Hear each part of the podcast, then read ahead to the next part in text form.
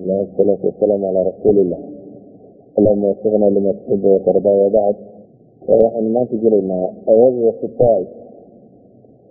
ama duulaankii ama weerarkii nabigu ku qaaday calayhi salaatu wasalaam meesha taaif loo yaqaano kadib markii qabiilkii hawaazan la odhan jiray ay kala burbureen firdadkoodu ay u kala yaaceen meeshii la odhan jiray naqla iyo awtaaf baaqigii ka soo hadhayana waxay markii labadaa meeloodna lagaga sii daba waxay u sii jeesteen nabiga magaalada loo yaqaano ataaif magaaladan taaif ay marka horeba galaan nimankii reer bani safiif la odhan jiray. Oo uu hogaaminayo ninkii madaxda ahaa ee la odhan jiray malik ibni cawfi nasari oo hawaazin ninkii madaxda ka ahaaya malik ibni cawf iyo ciidan wixii watay waxay galeen. Magaalada taaif taaif waa meel dhulbuureed ah. Waa magaalo suur fiican ama toobad wanaagsan magaalada dhammaanteed uu ku wareegsan yahay. Qalcado iyo xusuun leh. Mana jirto magaaladaasi meel laga geli karayay ilaa iyo albaabka mooyaane. Yani albaabada ay xusuunta le magaalooyinka dayr baa lagu wareegsan jiray ciidamada iyo waxa laisugu celiyo marka magaalo aada u adag bay ahayd dhulka kule suurtagala in laga galaana. Meelaha dayrarka ayuunbuu ahaa muddadii ay uruursanayeenna waxay magaalada dhigteen oo ku xaraysteen xoolo la yidhaahdo waxay ku fillaan karayeen ilaa iyo muddo sanada macnaheedu waxa weyaan sanada dhan dagaal ayay ku joogi karayeen muslimiintu waxay soo gaadhay saaifka la yidhaahdaa dawaal labaatankeedu meelaha kadib markii dagaalkii xunayn iyo saraayaadkii laga daba diray nakle iyo awtaas markii ay dhammaadeen oo bisha tobankeedii ama dawaal tobankeedii meelaha dhammaaday. Waxaanu odhan karnaa kuwa soo bilaabmay baan leenay dawaal tobankeedii ilaa iyo qaatay muddo toddobaad meelahaasi ama ka badanba muslimiintu waxay isku dayeen inay markaa xisaar geliyaan ama isku yeeran ay ka qabtaan magaalada taaif la yidhaahdo. Waanay suurtagal ahayn meel ay ka galaan ma aanay furayn yani meel alaaliya meel duulimaad lagaga qaadaa ma fura waxaa kula furan in la go-doomiyo. Marka waxay go-doomiyeen baa layidhahda muddo dhowr iyo toban maalmooda muddada go-doomiska yani riwaayaad badan badan baa ku soo arooray oo ku tilmaamaya waktiyo kala gedisan. Lagana yaabo qaar dhowr iyo toban bay sheegayaan ilaa afartan casho laakiin xaqiiqa ahaan markaynu eegno waxaad odhan kartaa kollay muddo dhowr iyo tobana way gaadhaysay inta meesha kale ay go-daan ku jirtay marka aynu duuduubno taarikhda inkasta afartanada ku soo aroortay haddana waxaad moodaa qolada taarikhda inay ku dayaan inay bixiyaan sababtuna waxa weeyaan muddadii waktigii cumrasi waktigii madiine ku noqday iyo waktigii joogay marka laysku daray muddooyinka la tiltilmaamayo ka badan. Markii nabigu calayhi salaatu wasalaam ku soo socday magaalada tan taaifa waxaa la idhahdaa tariikii qadiimka hadda soo maray oo daaif xagga koonfureed ka soo oo waxay soo mareen naqla alyamaniya meesha la idhaahdo dabeetana qarni lmanaazil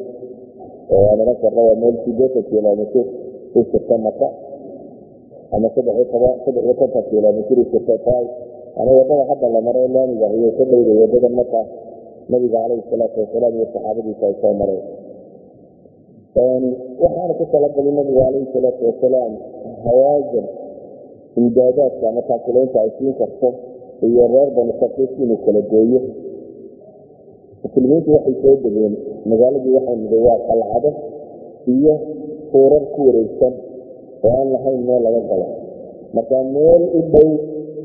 qalcadihii ay lahayd daaif ayay soo degeen. Laakiin waxay degeen baa la ydhahdaa meel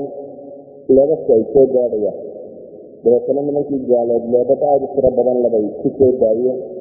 taasi waxay kaliftay markaa haddana inay muslimiintii mar labaad isku dayaan inay ka yaro dirtaan markii uu ku batay leebadkiiyo wixii waxaa la ydhahdaa dagaalka hore waa dagaalka qura muslimiintu caadigi nabiga calayhi salaatu wasalaam siday nimanka taarikhta qore ay soo sheegayaan ay isticmaaleen laba shay aan dagaalada kale lagu isticmaalay. Midi waa shayga loo yaqaano dabaabaad yani dabaabada maaha tan iminka kaaraha ah oo aynu naqaano. Waxaa jiri jiray caqdiyada hore bahal dabaaba la yidhaahdo. Dabaabadaas waxa ka samaysnaan jirtay baa la yidhaahdaa. Alwaax ama looxaan ad oo harag lagu daxaaday oo markaa aan leebkan iyo waxan dadeeyo waxan la soo fuuraa aanay ka soo disaynin casilado yarna ama taayiro soconayo kalena way lahaan jirtay markaa qofka ama cid inta dabaabada la soo dhexgeliyo ayay soo kaxaynaya markaa leebabka lagu soo ganayo waxaasoo dhan waxba yeeli maayaan ilaa ay suurka derbiga ku soo gaadhaan si derbiga ama ay u qodaan ama ay waxba sameeyaan ama noocaasio kala noocinaadesaa dabaabadaniba xabadda yaro celisay ninka wata aanay ugu dhicin ayay dabaabaadkaasina ahaan jirin waxaa lagu tilmaamaa dagaalka kan waxay muslimiintu adeegsadeen aaladaasi khasabka adag iyo ka samaysan jaldiga ama haragga ka samaysan oo taayirada wareegaya leh si foorka ugu soo dhawaadaan. Waxaa la dhahaa markii ay derbigii yimaadeen muslimiintuna dee kulley wax kastaba sida dawaabadahan caadiga ah ardaysi sidanka loogu dhigto ama bahladan waxaa la isticmaali jiray waagaana bahalada dabaabada loo yaqaano aanu gamuunka karan gamuunka wuxuu laga yindayada gaasaankii ku dhacay gaasaankale wuxuu ka samaysnaa un harag dawaabadaha noocana waxay ku isticmaali jireen baa la yidhahda wax la biraa la gudi jiray bir kulul baa markaa lagu soo tuuraya de waxaan naqaanaa maaskana in birtu ay seexdaan marka ay daloolini marka waxaa lagu isticmaalay alxadiid limuxamaa ama birihii la kuleeliyeyba lagu soo danay taasi waxay keentay in dabaabadihii ay daldalosameen oo haddana muslimiinta ay dib uga baxday waxaana yidhahdaan waa uu dagaalkii ugu horeeyey oo muslimiintu ay adeegsadaan aalaadka kan. Manay haysanin muslimiintu markaas baa lagu tilmaamaa aaladaha lagu burburiyo ee derbiyada waktigan waxa kaloo la sheegay culamaay taariikh sheegaan meel jars la yidhahdo alyamaniya jars alyamaniya la yidhahdo waxaa jirta waxa lagu samayn jiray dawaabaadka iyo bahalo la yidhahdo manjaniqu waa isna ul dheer ama geeda dheer oo taayiro la wareejiyo leh oo geedka la soo foorarinayo oo kiis xagga sare laga saarayo ama saan oo kale saantaasi ama dhagax lagu gurayo ama biraha wax lagu gurayo dabeetana la sii daynayo suurata waa wadhaf weyn oo kale. Marka iyana waa bahal wax lagu tuuro isagana manjanigyadana waxaa loo adeegsadaa in derbiyada lagu dumiyo ama hub culculusoo waaweyn oo kale sidii madaafiicda kale in loo rido waa halka maanta madaafiicda laga isticmaalo kale. Waxaa la yidhahdaa beriga waktiga kan manjaniiqyana muslimiintu way adeegsadeen bay idhaahdaan qarada taariikhda qarta qaar waxay dhahdaan manjaniiqyada kan waa la soo iibsaday oo meeshaasi dhoweyd baa laga keenay. Qaar waxay sheegaan maaha salmaan ilfarisi saxaabigii la odhan jiray baa usul tilmaamay qadiyada oo u hindisay. Calaa kulli xaal riwaayadka arrimahan ka hadlaya waxaa ugu badan in axaadiis mursala mursalka sanadkiisana dawarka taqaanay waxaanu odhan karnaa waxay adeegsadeen baa la yidhaahdaa dagaalka kan manjaniiqana waa la adeegsaday laakiin ma ahayn manjaniiqyo ku filan oo dee xusuun badan dumin kara ama wax badan qaban kara. Marka laysku daro labadan shay la adeegsadayba way siirtoobi weyday in la daroosado ama la furto qalcadihii. Waxaa la isku dayay in xisaabka muddo lagu hayo waxaa la yidhahdaa nabigu calayhi wasalaam sida axaadiis mursal ay tilmaamayaan oo kale wuxuu haddana isku dayey in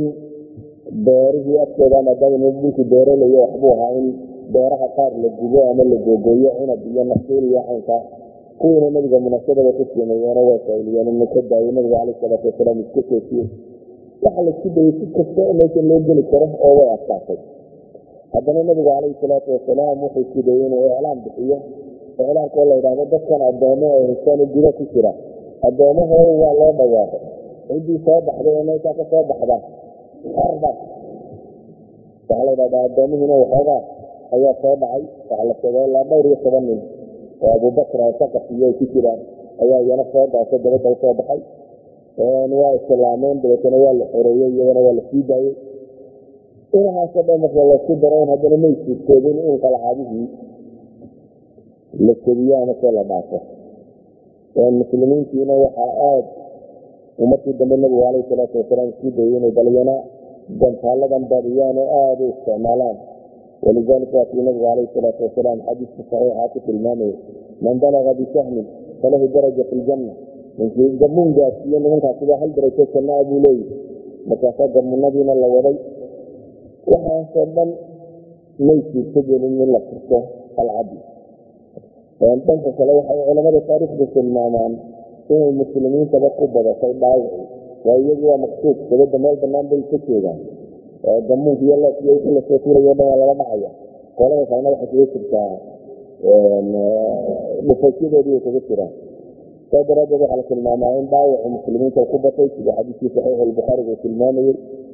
waxaa kaloo la sheegaa sida ibnu isxaaq biduuni sanad uu ka warinayo ilaa iyo labiyo toban nin in laga dilay muslimiinta meeshaba ay leeyihiin aan nimanka gaaleed lagala dilin sida markan abu daawuud ay tilmaamayaan. Saddex mooyaane aan wax kalaba iyaga laga dilin waxaa riwaayaad saxiix iyaguna bukhaari ku sugan ay tilmaamayaan xataa nabigu xoog ugu kafsilin meesha in xoog laysugu maqiiqo ama in la furto laakiin laga dan lahaa in sawkadeeda nimankan xoogoodin in la yaro keliyo tabartooda la tusiyo waayo marka kan waa dhul ku dhex yaalla muslimiinta koona walba muslimka xiga. Markaa meel tijaaro ay leeyihiin soconaysaa ma jirto meel kale ay mari karaan ma jirto. Waa sidooday kaga tahayba magaalo yaroo goodoona ku dhex taalla. Dhul muslimku uu furtay oo dhan walba muslimiin ay ku xigto. Waxaana la yidhahda waxay ka mid ahaayeen dadkii nabigu la saalay calayhi salaatu wasalaam islaamnimadooda ama inay islaamka qaataan dad baa la yidhahda ahlu fatara wa zaka ayuu ku tilmaamaya akar ambiyaa cumar inay nimankaasi ahaayeen waana dee meesha aada garan kartaba inuu nebigu wuu qasiyey maka markii waxba ka dhegeysan weyday meeshii labaad ay tiri diin gaarsiis ayay ahayd kalawatan ugu tegey. Bacdi saxaabada waxaa la yidhi waxay dhahdeen inaan rasuulkiisiiyo nimanka kan nimanka habaa reer saqiif naga habaa dabeetana nebigu wuu duceeyaa la yidhi wuxuu habaarkii wuxuu dhigay allaahuma hdi saqiifa ilaahay reer saqiif soo hanuuni ayuu nebigu calayhi salaatu wasalaam habaar uga dhigay sida xadiiku tirmidi warinayo albanina uu saxiix ku sheegayo. Inkasta uu leeyahay saxiix buu noqon lahaa buu calaa sharti muslim. Lowlaa cancanati abi zubayr ayuu cancanadiisa diidan yahay. Waxaynu odhan karnaa in muddo markii lagu hayay go'doomintaasi waxa suurtoobi weyday in la furto dabeetana nabigu calayhi salaatu wasalaam wuxuu amray. Markii waxoogaa lasku tuurtana waxay suurtoobi waayeen in la guuro laskaga tago bacdi saxaaba markaa yaro adkaysta weli ilaahi rasuulkiisiina ku tegi nimanka aan dagaal la galle saasaa jeceshin baa layidhi bal waayo wada. Haddaan haddana gamuunkii markii muddo la weryeeday waxa muuqatay inaan waxba soconaynin mar labaad buu nabigu yidhi calayhi salaatu wasalaam iska tagna. Xisaarka aan ka furno qoladana ka tagno. Markii dambe waa la iska aqbalay markii la arkay inaanay suurtagal ahayn in la furan karo. Sida xadiiska bukhaari tilmaamayay waxaanay ku noqdeen meel jicraana la yidhaahdo jicraana waxaa la tegay baa la yidhahdaa maalintii sanaad ee dilqacda maalintii sanaad ee dilqacda ayaa jicraana la tegay haddayna qaadana raayiga ahaa dhowr iyo toban ku jirtay. Jicraana waxaa jooga markaa wariimadii ama xoolihii tirada badnaa ee laga furtay nimankii reer hawaajan iyo saqiifka qismada xoolaha ama qaydintooda nabigu mudduu dib u dhigay waxaanu sugayay bal ima in dadkan ay soo islaamaan ama diinta soo qaataan ama waxa isbedela dhowr iyo toban maalmood buu sugayey baa lagu tilmaamaa nabigu calayhi salaatu wasalaam xataa xisaar daaif marka ka soo noqday baa la ydhahda in yaroo lacaga unbuu kaykaydiyey magana xoolaha intii badnayd meel buu ku hayay. Laakiin nimankaa reer hawaajan waa hadsaameen kadib buu nabigu qaydiyey xoolihii. Waniimada ama xoolaha la soo dagaalka lagu qabsado iyagoo sida qur'aanku sheegayo kan meelood marka loo qaydiyo meel nabiga ka wasiila calayhi salaatu wasalaam waaka ilahay le yaclamu anamaa hanimtum min shayin faana lilahi khumusa walirasuuli walidi lqurba walyataama walmasaakiina wabni sabiil. Ilahay wuxuu leey ilaahay waxaa u sugnaaday iyo rasuulkiisa iyo kuwa qaraabada saaxiib iyo agoonta iyo masaakiinta iyo ina wado qolaasi khumus bay leeyihiin baa layidhi ka meeloodoo meel ahaan afar meeloodoo meel ahaanta kale waxaa iska leh dadkii dagaalka galay furtay ayaa leh hal saham ninka lugleyda abaa leh saddex sahamna ninka fardooraya labana faraskaa lagu siinaya mina isagaa qaadanaya. Masala akram dayaal cumar wuxuu ku tegaya ra'yiga odhanaya waa xoolaha manquulka xoolaha guuritaanka u saaxiibka ah ama xoolaha hayri manquulkaa buu leeya beeraha iyo daaraha waxa waxa ku saabsan. Imaamka muslimiinta ayaa u mukhayara inuu qaybiyo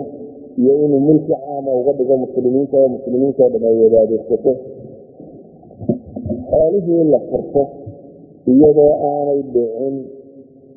dagaal iyo waxaasi ilaahay uu nabiga u furo calayhi salaatu wasalaam iyada fayi baa la yidhaahdaa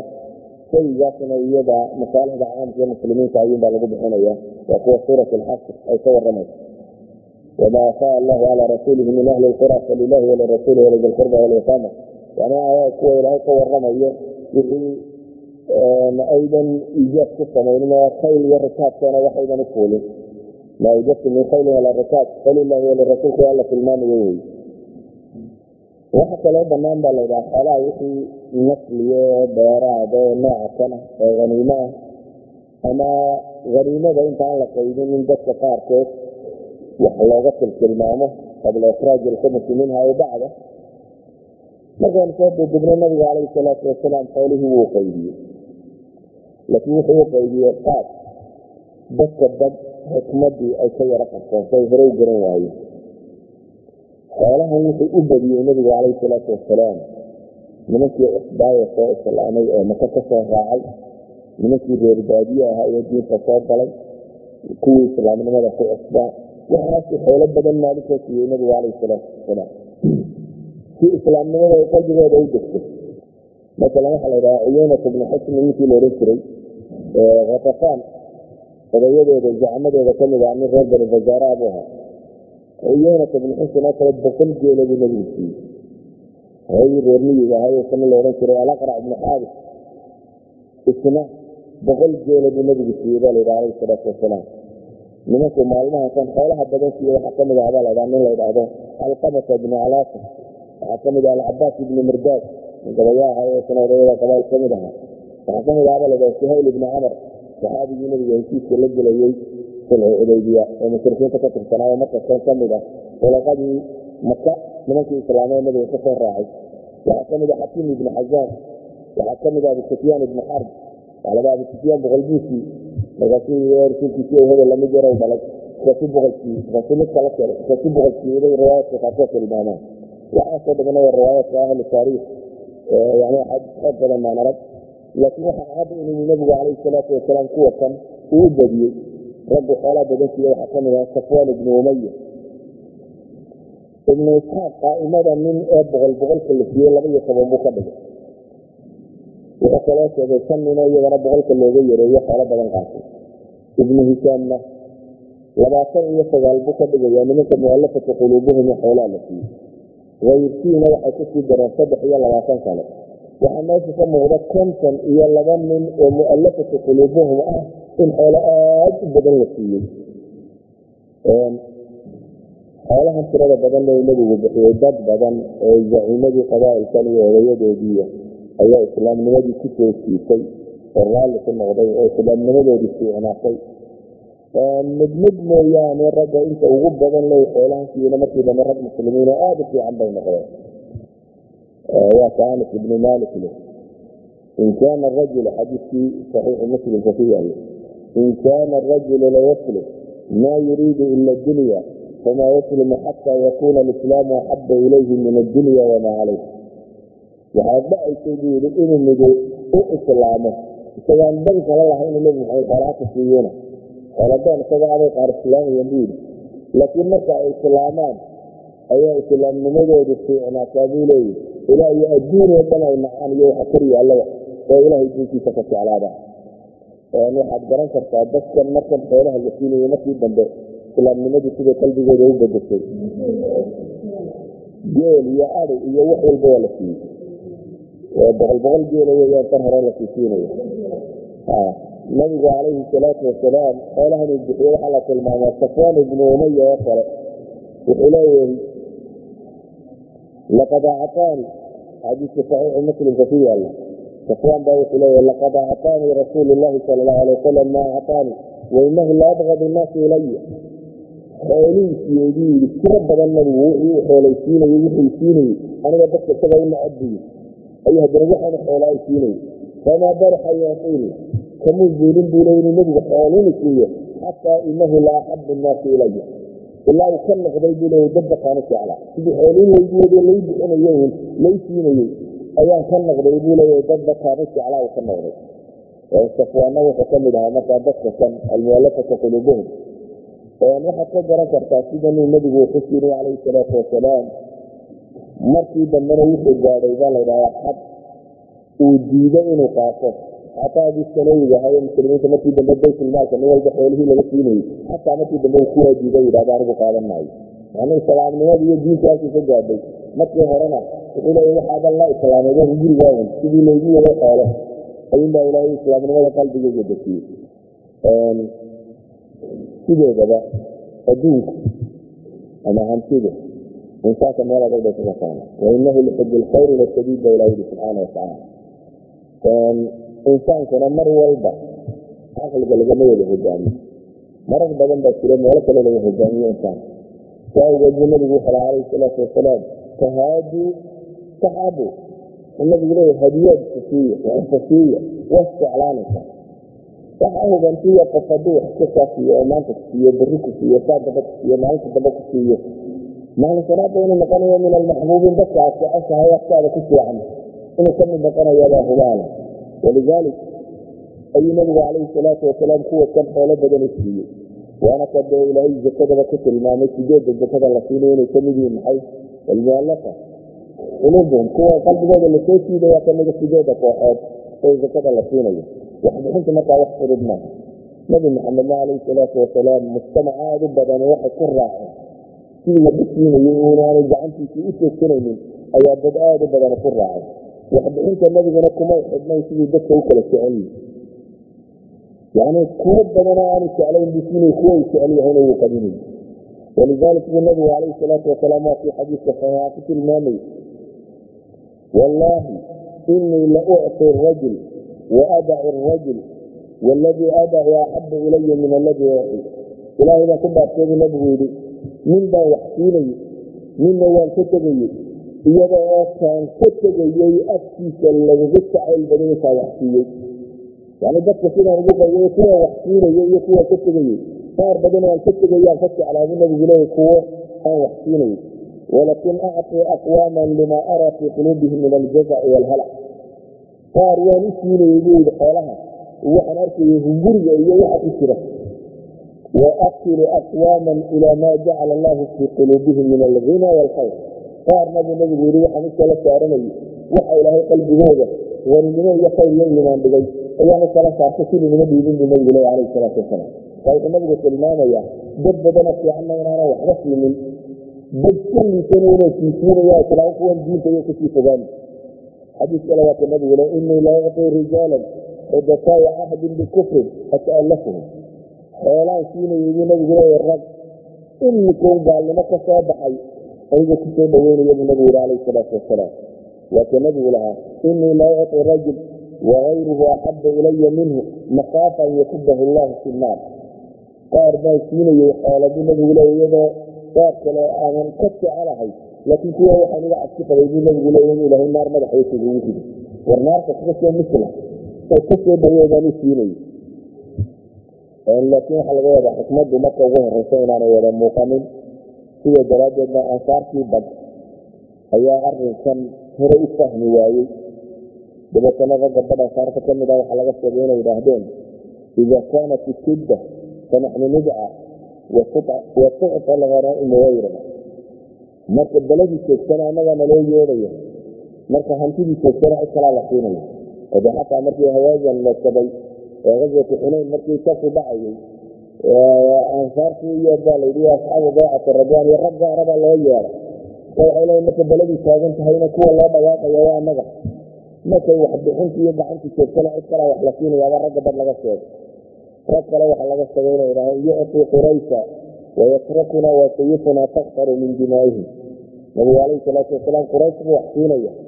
annagana wuuna dhaafaya. Iyadoo qurayshta wax la siinayo weli sheekaha iyaga dhiiggooda aanu ka qalalin yacni kuwaanu shalayka diinta kula dagaalamayno oonu seeftiba dhiiggiisi ka baabiin maxantaa loo badinayo annagana nalama siinin. Warkaa markuu maqlay ayaa waxau yimi saxaabigii sacad ibnu cubaada la odhan jiray rasuul ilaahi rasuulkiisii ansaar waxbay sheeganaysa sacadnin aad faraxo badan bu wuxuu nabigu ku yidhi calayhi salaatu wasalaam bal adigu ka waran xadiiska qaarkood waxay tilmaamayeen inuu ku yidhi aniguna nin salkiisa midin baa dabeetana wuxuu yidhi igu warayo. Ansaaroo dhan meel buu nabigu ku balay ku ballamiyey qubadaa hoosteeda halkaa igu wada yeer buu yidhi ansaar dhammaanteed. Ansaar baa laysugu wada yeeray nabigu calayhi salaatu wasalaam markii ansaar laysugu wada yeeray buu la hadlay ansaar wuu khudbadeeyey wuxuu ku yidhi ansaare qurays waa kuwo diinta ku cusub oo iminka jaahiliye musiibo ka soo baxay. Waxaan wax u siiye waxaan rabay waxsiinka kan inaan ku kabo oo ku soo dhaweeyo miyaydan idinku raalli ka ahayn in dadka adduunka qaato idinkuna ilaahay rasuulkiisa waa gurigiisi kula noqotaan gurigiinni kula noqotaan. Waa maalintii nabigu lahaa haddii dadka oo dhami waadi maro dooxa hadday dadku maraan ansaarina dooxa marto. Jidka ansaari martuun baan aniguna mari lahaa buu nabigu leeya calayhi salaatu wasalaam. Muslimiga oo dhan iyo dadka dhan haddii laysugu yaray waddo raacaan. Ansaarina keligeed ay gaara raacdo. Ka ansaari marto. Ayuun baan marayaa buu nabigu ku laha calayhi salaatu wasalaam. Wuxuu u shaxay markaasi ansaar waxbixintiisana waxay ku xidhnay waxaa la yidhahdaa weliba axaadiista qaarkeed wuxuu ku yidhi ansaaray miyaanan idiin iman idinkoo lunsan. Waanan ilaahay diinkiisa idiin sheegi. Waan ilaahay gacantayda idinku soo hanuunin wou u manna sheegtaa layidhi nabigu markaase waxay dhahdeen bala balaa bay dhahdeen allah warasuulu amanu akbar. Markii dambe nabigu ku yidhi maxay iigu jawaabi weyde? Haddaad doontaan waa ii jawaabi kari lahaydena waxay odhan lahaydeen wallaahi baan ku dhaartay iyadoo lagu dooniyaad noo timi markaasaanu ku rumayn iyadoo lagu soo saaray baad noo timi markaasaanu kuu gargaarna iyadoo caynkanaad noo timi yani wixii yana lahaayeen buu nabigu sheegay calayhi salaatu wasalaam. Intaaba intaad tidhaahdaan baa runna ay ahayd oo aad ku run lahaydeen aniguna aan rumayn lahaana idin beeniseen akhiira nabigu wuxuu ku yidhi calayhi salaatu wasalaam ma waxaa wax idinla noqday in yaroo adduun qarar adduun qala u tuurtuuray idinka nabigu wasalaam markay maqleen nabiga calayhi salaatu iyo sababta kuwana waxusiin waaye iyo nabiga agtiisa halkay iyo sida uu jecel yahay iyo haddii dadka oo dhami waddo maro ansaarina meel marto waddada ansaareed inuu nebigu marayo iyo inuu horeba ugu soo tilmaamay almaxya maxyaakum walmamaatu mamaatukum nolosha inta la noolyo in idinka laydinla sheegi doono geeriya nolodan inaan dhankiina ahaan doono. Ayay ansaari aada u qiiroodeen wararkii ay ku dhex marmariyeen iyo wixii. Waayo waxay arkeen nabigu calayhi salaatu wasalaam waxaanu wax bixinaya inay tahay fii sabiili alcaqiida dad inay diinta ku soo hago iyaguna dee awalba naf iyo maalba waxay u horeen waxay hidinay diintan ilaaliya hadafku midun buu noqday marka ansaarina waxay naf iyo maalba awalba u huray. Caqiidadan inaa ilaalisiyo diintatan nabi maxamedna calayhi salaatu wasalaam waxoogadan hantida kuwan u qaybqaybiyey wuxuu ugu qaybiyey isagoo raba inuu diinta ku soo dhaweeyo. Labadooduba markaa inay fii sabiili alcaqiida un ay u dagaalamayeen waxay kaloo dareemeen. Nabigu calayhi salaatu wasalaam iimaanka iyo caqiidada iyo waxa qalbigooda ku jira. Siduu raalli uga yahay oo ugu tala saartay iyo aanu waxba u siinin dabeetana ansaari oohin bay bilaabeen nabigu calayhi salaatu wasalaam meeshii uga khudbadaynayey waa dhammaantood foorarsadeen baa laydhi aad bay u ooyeen maalintana u khushuuceen iyagoo la radayna birasuuli qisman waxada ilaahay rasuulkiisa baanu raalli ku nay annagu inanu dheef iyo qayb u helno. Ilahay rasuulkiisa in annagana raacaanu qayb u helno. Dadka kalena wixii adduun oo dhan iyaga la siiyo kaas baanu raalli ku nahay bay ku soo maalinta siduu nabigu waxu bixinaya calayhi salaatu wasalaam nimankii reer baadiye ahaa qaar ka mida oo dagaalkii xunayn iyo waxa ka galay. Waxaa ka muuqday jafa ad adayg iyo qalqalafsani.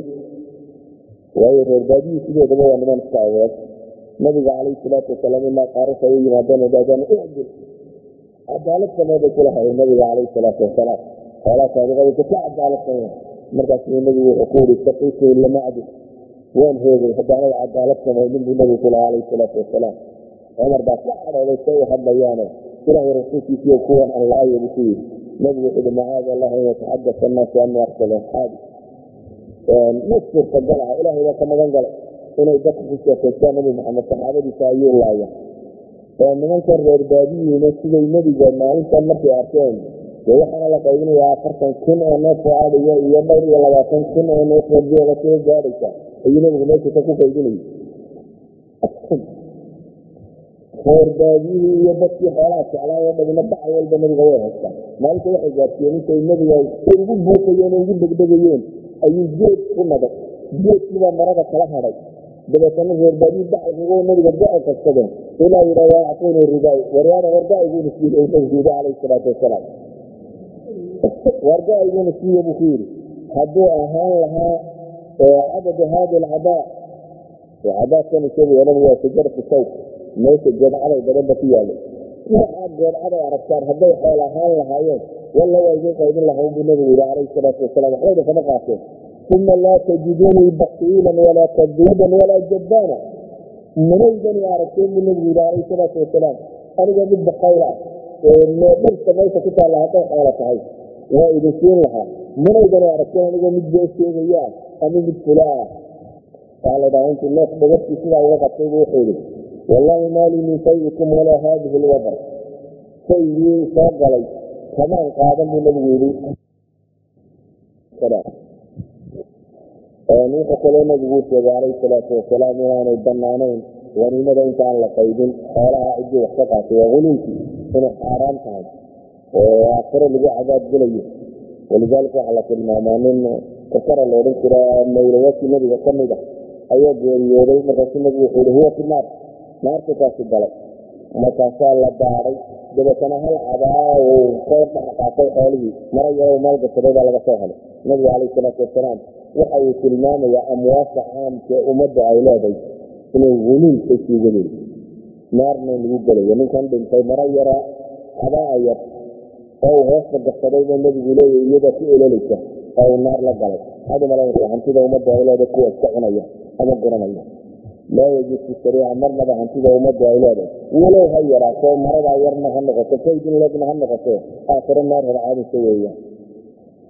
nabigu calayhi salaatu wasalaam nimankan reer baadiye ee tirada badan leh ama hadal xumada ama hunguri xumada ama waxakan kula dhaqmayeyna waa isaga dulqaadanayo marna kama cadhoonin siday go-a ugu siidayeen baa ladhahda meelaha nabad kaga sameeyo haddana nabigu calayhi salaatu wasalaam waxaasi kamuu cadhoonin mana ka xanaaqin waayo mujtamaca kan inay islaamaan oo diinta soo galaan buu la rabay nabigu calayhi salaatu wasalaam. Waxaanu ahaa murabbi dadkan rabaynayo oo diinta baraya. Xoolihii markii uu qaydiyey ee uu dhameeyey kadib ayaa waxaa layidhi waxa yimid qabiilkii hawaajan ahaa oo soo islaamay qabiilkii hawaajan oo xoolahan ahaa ayaa yimid oo islaama gala dabeetana nabigu wuxuu salaatu wasalaam war xoolihii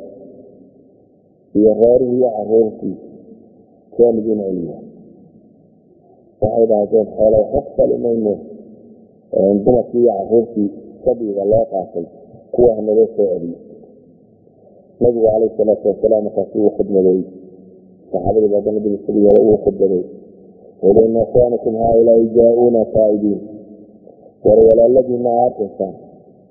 waxay inoo yimaadeen. Sida xadiiska bukhaari uu sheegayo walaaladiina aarkaysaan waxay yimaadeen iyagoo toobad keenay oo ilaahay soo noqday. Aniguna waxaan rabaa buu nabigu yidhi inaan u celiyo wixii dumar iyo carruur laga soo qabsaday. Ee ninkii ninkii raba inuu dheeftiisa haysto qaybtii haniimo ku helay inuu haysto aanu celinna. Waxa koowaada ilaahayna siyaabaan kaa siinayaayo ama yeel yacni iisoo wada celiya ninkii raallinimo isagaa ku celinayaana ku celin ninkii kalena badiilkeedaa siinaya dayn ha u haysto. Oo dayn baanu uga qaadaya dhowbaan baaqiga siinayaayo ha soo celiya buu nabigu yihi calayhi salaatu wasalaam. Dadka intii badnayd waxay ahayd qayb ku niyadsanay u celinay ilaahay rasuulkiisiyo leedahay dumarka iyo carruurta o dhan. Nabigu calayhi salaatu wasalaam wuxuu ku yidhi kala garan maayo. Dadka wixii raalli ka ah iyo wixii aan raalli ka ahayn oo dib isugu noqda oo reer waliba gaarkiisa ha u baxo oo waxa ogasiin inay celisaan odayadiina hay keenaan celina celina haddii la wada idhahdo qaar iska aamusan baa laga yaabaa in xoogoodii la qaato oo aan iyagu ku jirin kuwa raba inay celiyaan oo cid waliba gaar ha isugu noqoto urata hay keenaan odayadiinu arrintiina hay keenaan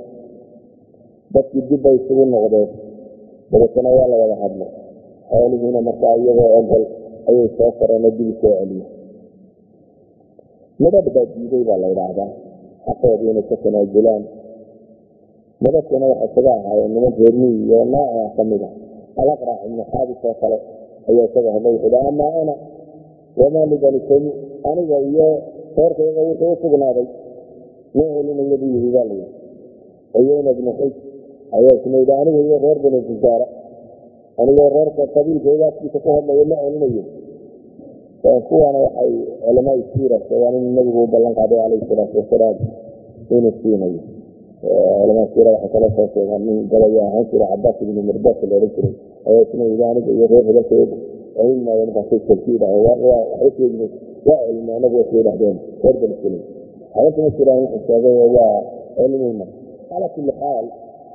labada nin baa la sheegaa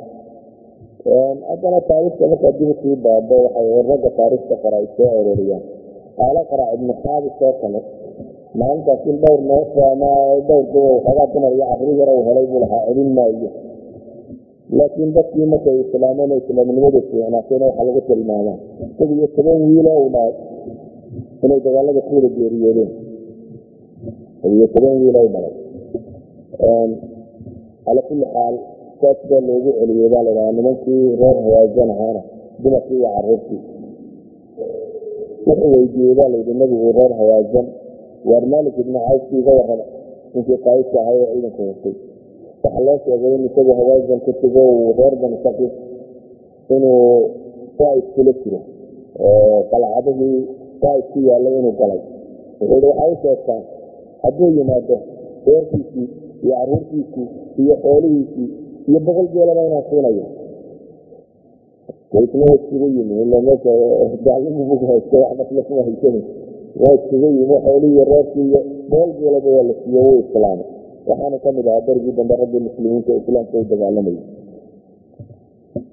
ale waxaa la idhahdaa wuxuu ka mid ahaa raggii saqiif laftooda kula dagaalamay taas markii dambe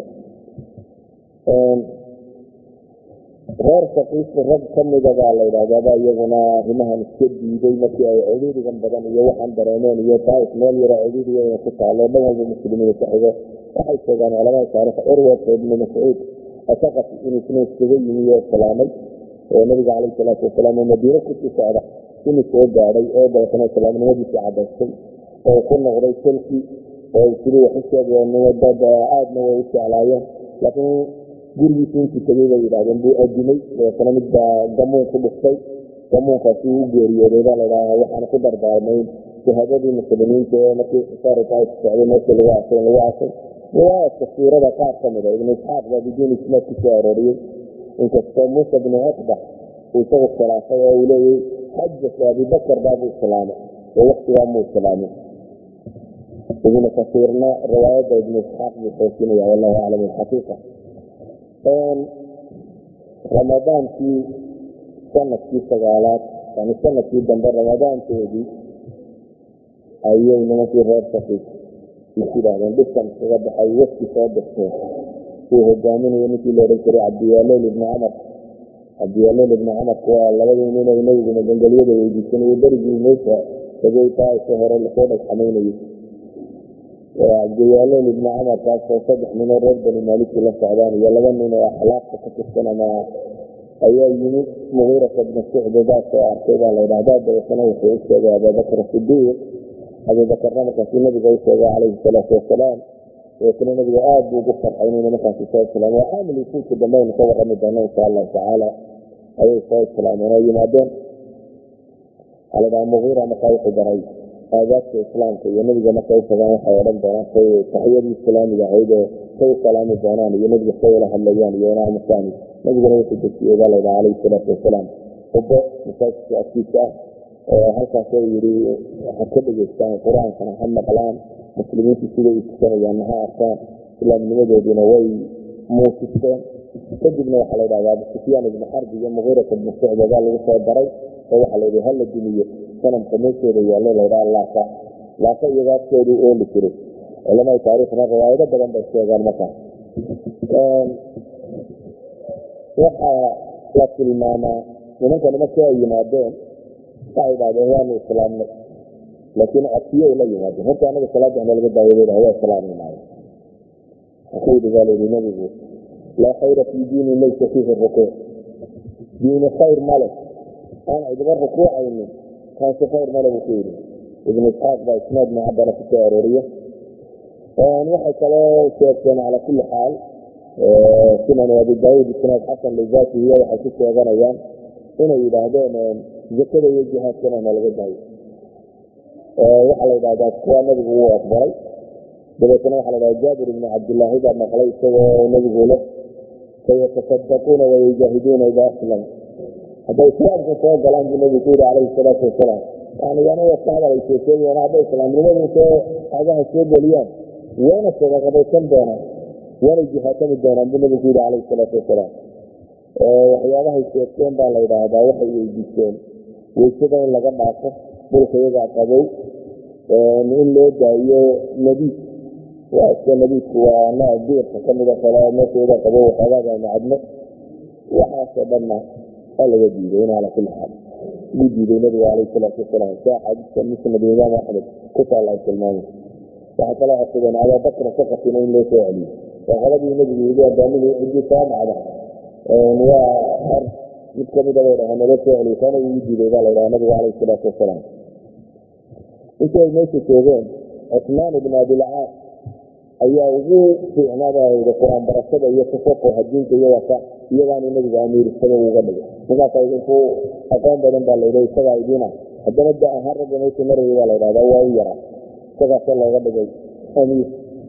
Markii ay islaameenna nabiga calayhi salaatu wasalaam su'aalo badan bay weydiiyeen. Xataa saxaabada su'aalay weydiinaye su'aalo ay saxaabada weydiinaya waxaa kamida baa layidhi waa qur'aanka saa xijaab uga dhiga saa u qaybsataan qur'aanka. Yani maalin walba xisbi qofku inbu akriya saad u akrida waa kuwii ku saxaabadu waxaanu u qaybinaa saddex suuradood shan suuradood yani saddexda suuradood hore waa xisbi maalin lawada akriyo shan suuradooda ku xiga toddobada suuradooda ku xiga koob iyo toban suuradood saddex iyo toban suuradood iyo xisbilmusasar xisbigan qaab ka bilaabma. Waana tartiibka macruufka ilaa hadda ah. Wafdigu kolleyba intii nabiga la joogay calayhi salaatu wasalaam iyo muqaabalaadka tirada badanba ayuu raadeeyey baa la yidhahda markaa riwaayaadka qaarkood waxay sheegaanba ramadaan tobankeedii dambeba xataa inay soomeen baa la sheega waxaanay nabiga la joogeen calayhi salaatu wasalaam toban iyo shan maalmood kadibna daaifkoodiiba ku soo noqde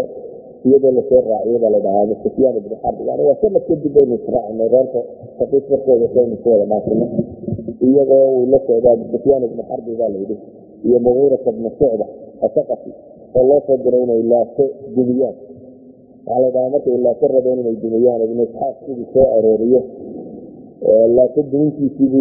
dumarkii reer bani oo dhan baa isku soo baxay baa layidhi oo ooyaya ila baa la duminaya meeshan yaaley sanam la caabudo dee dad sanado dhan oo haysteen ooyaya markaasaa waxay haysteen baa laleeya dee waxay kulahaayeen sacrigii kollay markuu saabto ama gacanta engegi ama meelinba engegiyo dee naftaa ka bixi doontay kulahaayeen kooxda san laakiin aa yar bay dubiyeeno xoolihii lagu guri jiray iyo wixii la sii jiray inaan ka qaatay. Waxaa la sheegaa xataa waxay dhahdaan mugiirata bnushacba si sheekooyinkaasi ay wariyaan inkastaana aag badnayn. Sanad malaheeda sida ay ku soo saaraan in sanad waxay dhahdaan xataa mugiirat ibnu shucba baa ka markii meesha yimi baa layidhi macwalkii mimbaraka yaraa uu rabay inuu ku dubiyo ayintiisintuu ag dhagay baa layidhi furay baa carara mugiira iska dhigay yani kaanamaa nin dee ninkii aarsaday oo kale markaasoo islaamiyo wixii inta laga hadlaalayo ka araki rabba baa layidhi ilaa haddii waxba iska celisay yani rabbigi sanabkii waxba iska celisay inta ku fasilay baa layidhi wuu ku soo noqday oo madaxa ka gooye waxoogaa xoolaana kala baxsaday